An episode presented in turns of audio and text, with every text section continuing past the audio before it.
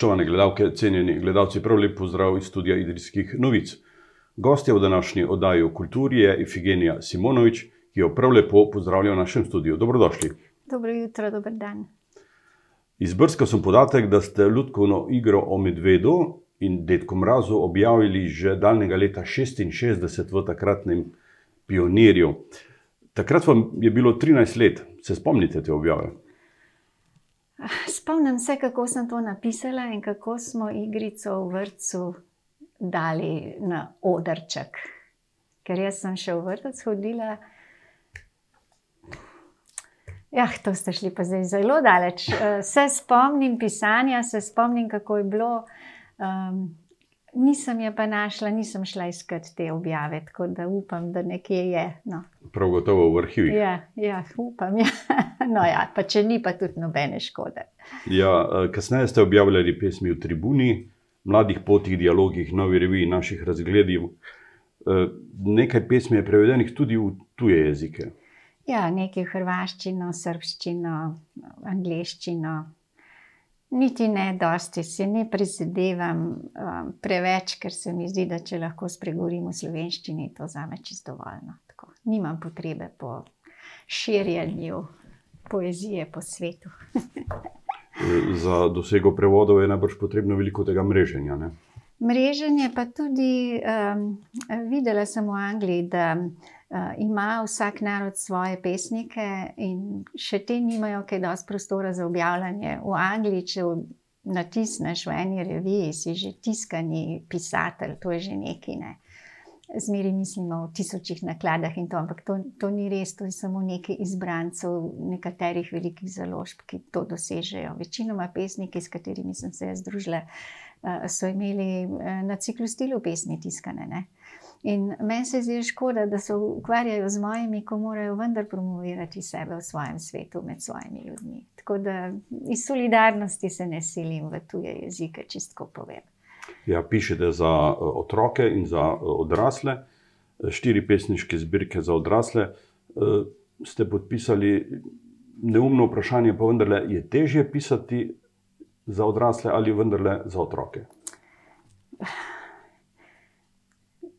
Pisati sploh ni lahko, ampak za otroke je pa najtežje, zato ker moraš biti pa prvič čisto res iskren. Uh, Poznati dušo otroško in zato je zelo malo pišem za otroke, ker otrok nimam. In sem se zmeraj uh, navezovala na otroke, ki sem jih pazila, in najbrž to ni bilo tako pristno ljubezensko narejeno, kot bi, če bi imela svoje otroke. Tako da uh, sem zelo malo za otroke pisala, kar pa sem, sem pa iz, izjemnim veseljem in z določenimi otroki v mislih. E, tukaj na mizi imamo nekaj vaših, vaših knjig, poezije. Na način so ti knjige vaši otroci, kateri vam je najbližji? Lahko rečem, da ja, ja, najbližja mi je zadnja pesem, ki jo zdaj delam, recimo, ne, od knjig, pa seveda ta. Zadnja išla je um, 13. leta, za moj 60. rojstni dan. Um, in noter so kot zadnje pesmi, ne? in do teh največ čutim. Potem pa mi je zelo draga prva pesniška zbirka iz leta 72, nimate tukaj, ker so tam noter moje prve pesmi, ki se mi zdijo korajžne, ker sem takrat spregovorila o nekaterih stvarih, še najstnica, o katerih še danes težko govorim. Uh, čeprav je napisana kot večinoma poezija po principu skri, kolikor moraš zatajiti, prečrtaj, narediti čim krajše. Vendar le butnejo ven stvari, ki um, so za življenje pomembne. In sem bila presenečena, da sem to zmogla pri 18. Ne? leta 72. Prva zbirka mi je zelo draga kritiki vam pišajo zelo ugodne, laskave ocene. Eh, eden od teh je zapisal: Pesniški slog je domiselni, igriv in inovativen, oblike pesmi pogosto ne spadajo v okvir tradicionalnega. Tako je zapisal eden od kritikov. Mm. Je zadev? Ja, seveda, se biti kritik je tudi zelo težko, tako da sem tudi prizanesljiva do kritika. Um, si vesel, da sploh kdo kaj reče, napiše misli. Um, Je res, ja. E, igrivost um, je najbrž pripisal temu, da je kakšna metafora um, malo v narekovajih. Um, to, da niso uh, klasičistične, to je mislil na to, da se ne rimajo, ker jaz jezika ne znam toliko, da bi rimala. Tisti, ki znajo pesmi rimati, so za me pravi veliki pesniki. Jaz pač modernistično napišem, kar mislim, se ne ukvarjam toliko uh, podrobno uh, z obliko in uh, slogom, bolj naraven. Moram reči, uh, nisem umetni pesnik. No. A če tako rečete. V vašem življenju je bil zelo pomemben Vitomil Zupan, z njim ste prijateljevali vrsto let. Je. Kaj nam lahko poveste o tej povezavi? Se že malo zatresel, ker um, misel na me pa zmeraj gane in skoraj vsak dan pomislim na en, skoraj v vsaki situaciji me nekako vodi um, do odločitev, um, ki jih delam um, po njegovih standardih. To, kar me je on naučil, uporabljam skozi. Jaz sem se z njim družila v študentskih letih, vsak dan. Um, pripovedoval mi je uh, romane, ki jih je takrat pisal, uh, in se nisem zavedala, da mi govori pravo življenje. Če mi je govoril o dahovskih procesih, jaz sem mislila, da si to zmišljuje za neko um, črno um, zgodbo. Um, šele kasneje sem razumela, kaj vse mi je pripovedoval. Um, sprejel me je tako, kot sem, kar ne morem reči za vsakega moškega, s katerim sem bila v življenju uh, malo pobližje. Um, Verjel je vame, malo cinično je rekel, to je pa pesnica. Ampak je bilo prav, da mi je dal vedeti, da naj si ne domišljam, da sem pesnica pri 20 letih. Ne. Zdaj se mi je šarmanten, krasen, erotičen pri 60 letih, jaz sem jih imela 20. Malo moških se mi danes zdi tako šarmantnih pri 60-ih, kot je bil on takrat. Pa veste, kako mlad človek misli, da je človek pri 40-ih že za ogrobne. Meni se je zupan, sicer del star, ampak še zmeraj mladosten človek. No. Iz njegovega opusa ste pripisali praktično vso njegovo poezijo, zaporniško poezijo. Ja ko sem se vrnila. Ja. Ki, jo je, ki jo je pisal na toaletni papir v zaporu. Ja. O, o tem je pisal v romanu Levitan, tako da uh, je bolj pristno, če preberete ta roman, boste vse vedeli, zakaj gre. Bil je v zaporu sedem let uh, po, po vojni, kljub temu, da je bil partizan, ne, to mu ni nič pomagalo. Um, in tam je skrivaj pisal pesmi. Uh, to so pesmi, ki se popolnoma rimajo, ki so brez napak, napisane na tako majhnem papirju, je lahko 60 vrstic. Jaz sem zelo pobrala. On je pa pisal pod kotrom, šibico, si svetu, ne? si predstavljate. In to je um, 60 tisoč verzov, 25 pesniških zbirk, bolj debelih kot je ta, 25. Jaz imam 10 zbirk v 30 letih, imam 25 v 7. Na kar je pisal še potem, no, to sem jaz prepisovala vnuku, k sreči je kar precej ohranjenega. Ne? Uh, in potem tudi izdala, tako da je sedem knjig pesmi iz zapora, in potem še ena knjiga, 400 strani, debela pesmi, ki jih je pisal po zaporu, ki so pa modernistične, napisane v času, uh, recimo Šalamuna, ki so ga povzdigovali, njega ni nihče bral, nihče objavljal. Uh, Danes pa ne berejo, zato ker bi morali priznati, da je bil Nito Mizupan tudi eden prvih modernističnih pesnikov. Ne. Tega še ne vejo ljudje, pa je že objavljeno deset let. Tako, no. zelo, zelo, to je najvažnejše, kar sem v življenju naredila, moram reči. No. Skupaj s prijatelji ste izdali tudi eh, knjigo Važno je priti na grič. Gre za poseben knjigo album. Ja, to je pa išlo ob stoletnici njegovega rojstva, Uh, noter so fotografije, življenjska zgodba, uh, razlage uh, procesa, ki je bil proti njemu vložen, da so ga potem lahko zaprli, um, razlaga njegovih romanov. Zelo, to je velika knjiga, išla pri mladinski knjigi ob stoletnici leta 14. Ja. Zelo dragocena knjiga o njem. Cela ta serija, ki jo izdaja mladinska knjiga o pisateljih, eh, te eh, album knjige, se temu reče, ne, je zelo dragocena. Imate kosmača. Eh, Miro Mihelič, mislim, res, persone slovenskega časa. No. Redno pišete tudi za revijo Zvon.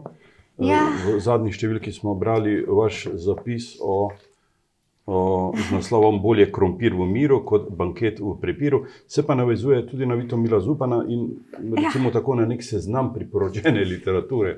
Ja, ja, Kaj naj človek bere? Ne? Ja, on vstopa vse v moje pisanje. Tudi zdaj, ko pišem tukaj le v uh, Idriji, te tri tedne boste videli uh, zupan skoraj na vsaki strani. Jaz ne morem brez njega nekako misliti. Ne živeti, živim seveda svoje življenje, ampak misliti brez njega bo res težko.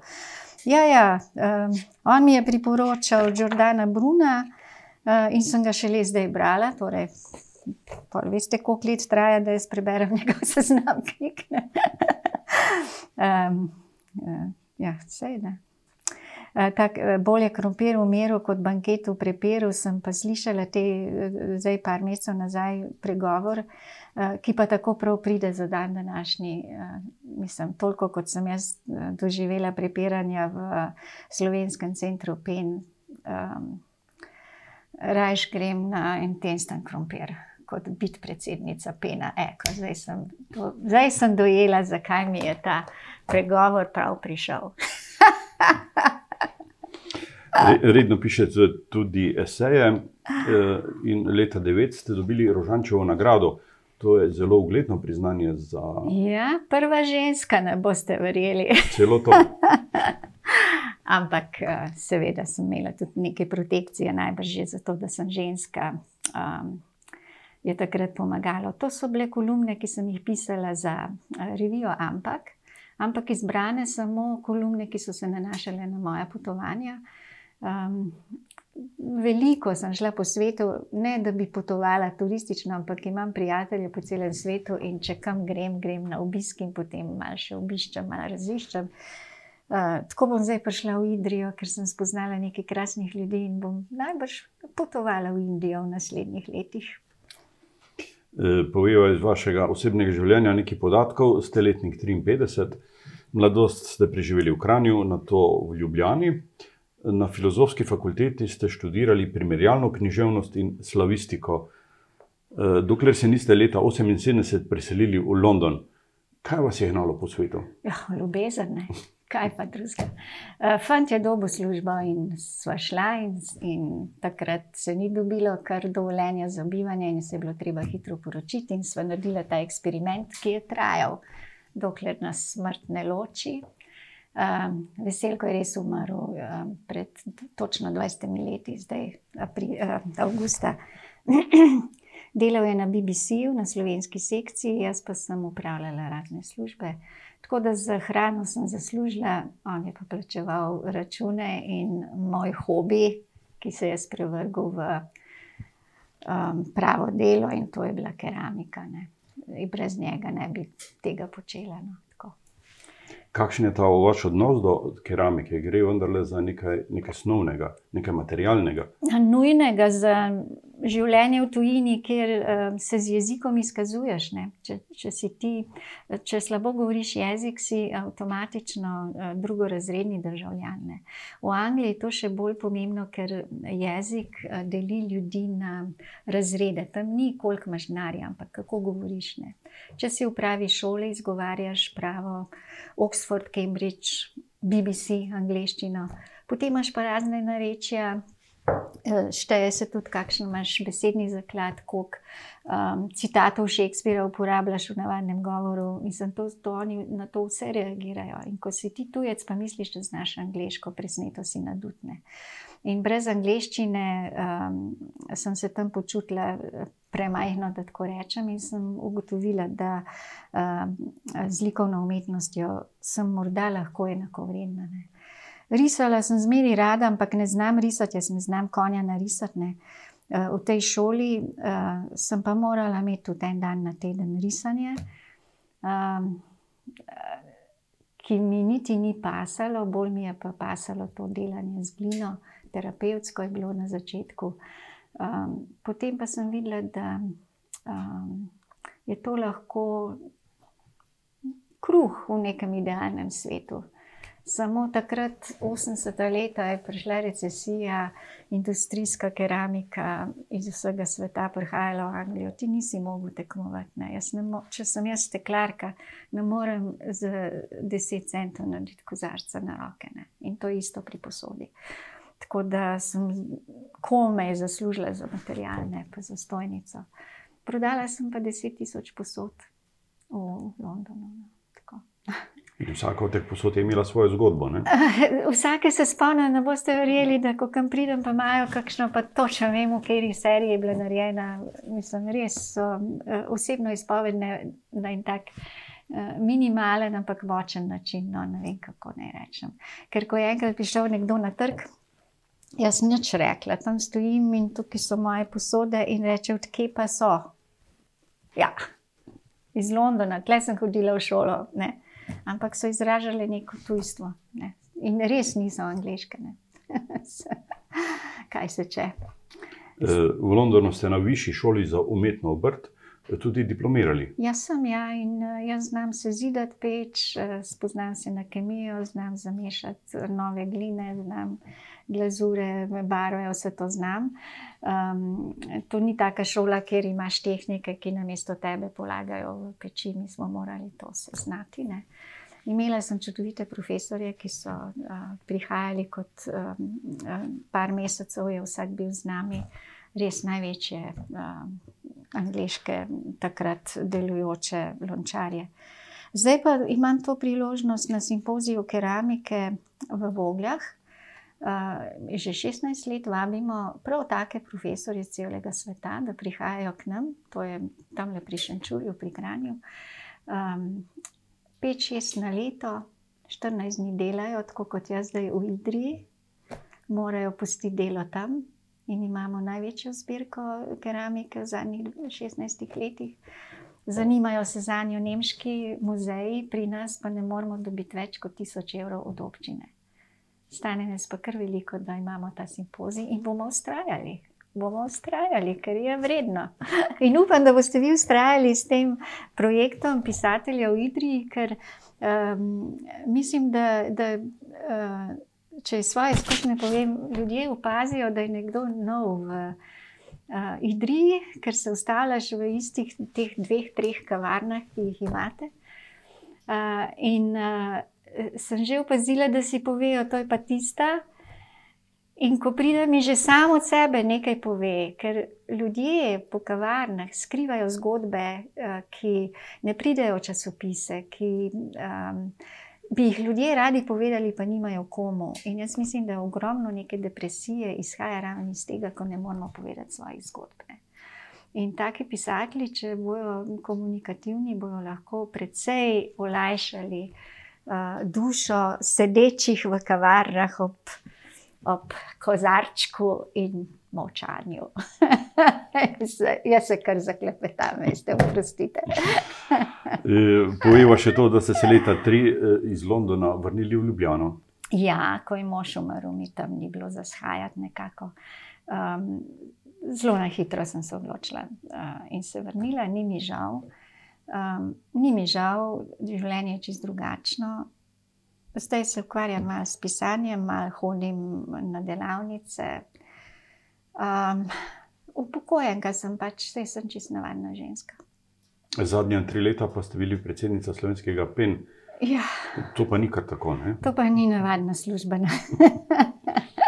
sploh ni služba v smislu plačanega dela. Ne, ni. To je pa uh, v PEN so me potegnili ravno zaradi Vitomila Zupana, ker sem, jaz sem mislila, da so me častno sprejeli, ker sem to prepisala in tiskala in da sem nekaj vredna. Ne. V resnici so pa bolj ali manj rabili Medhen Firales in sem to tudi bila kar nekaj let.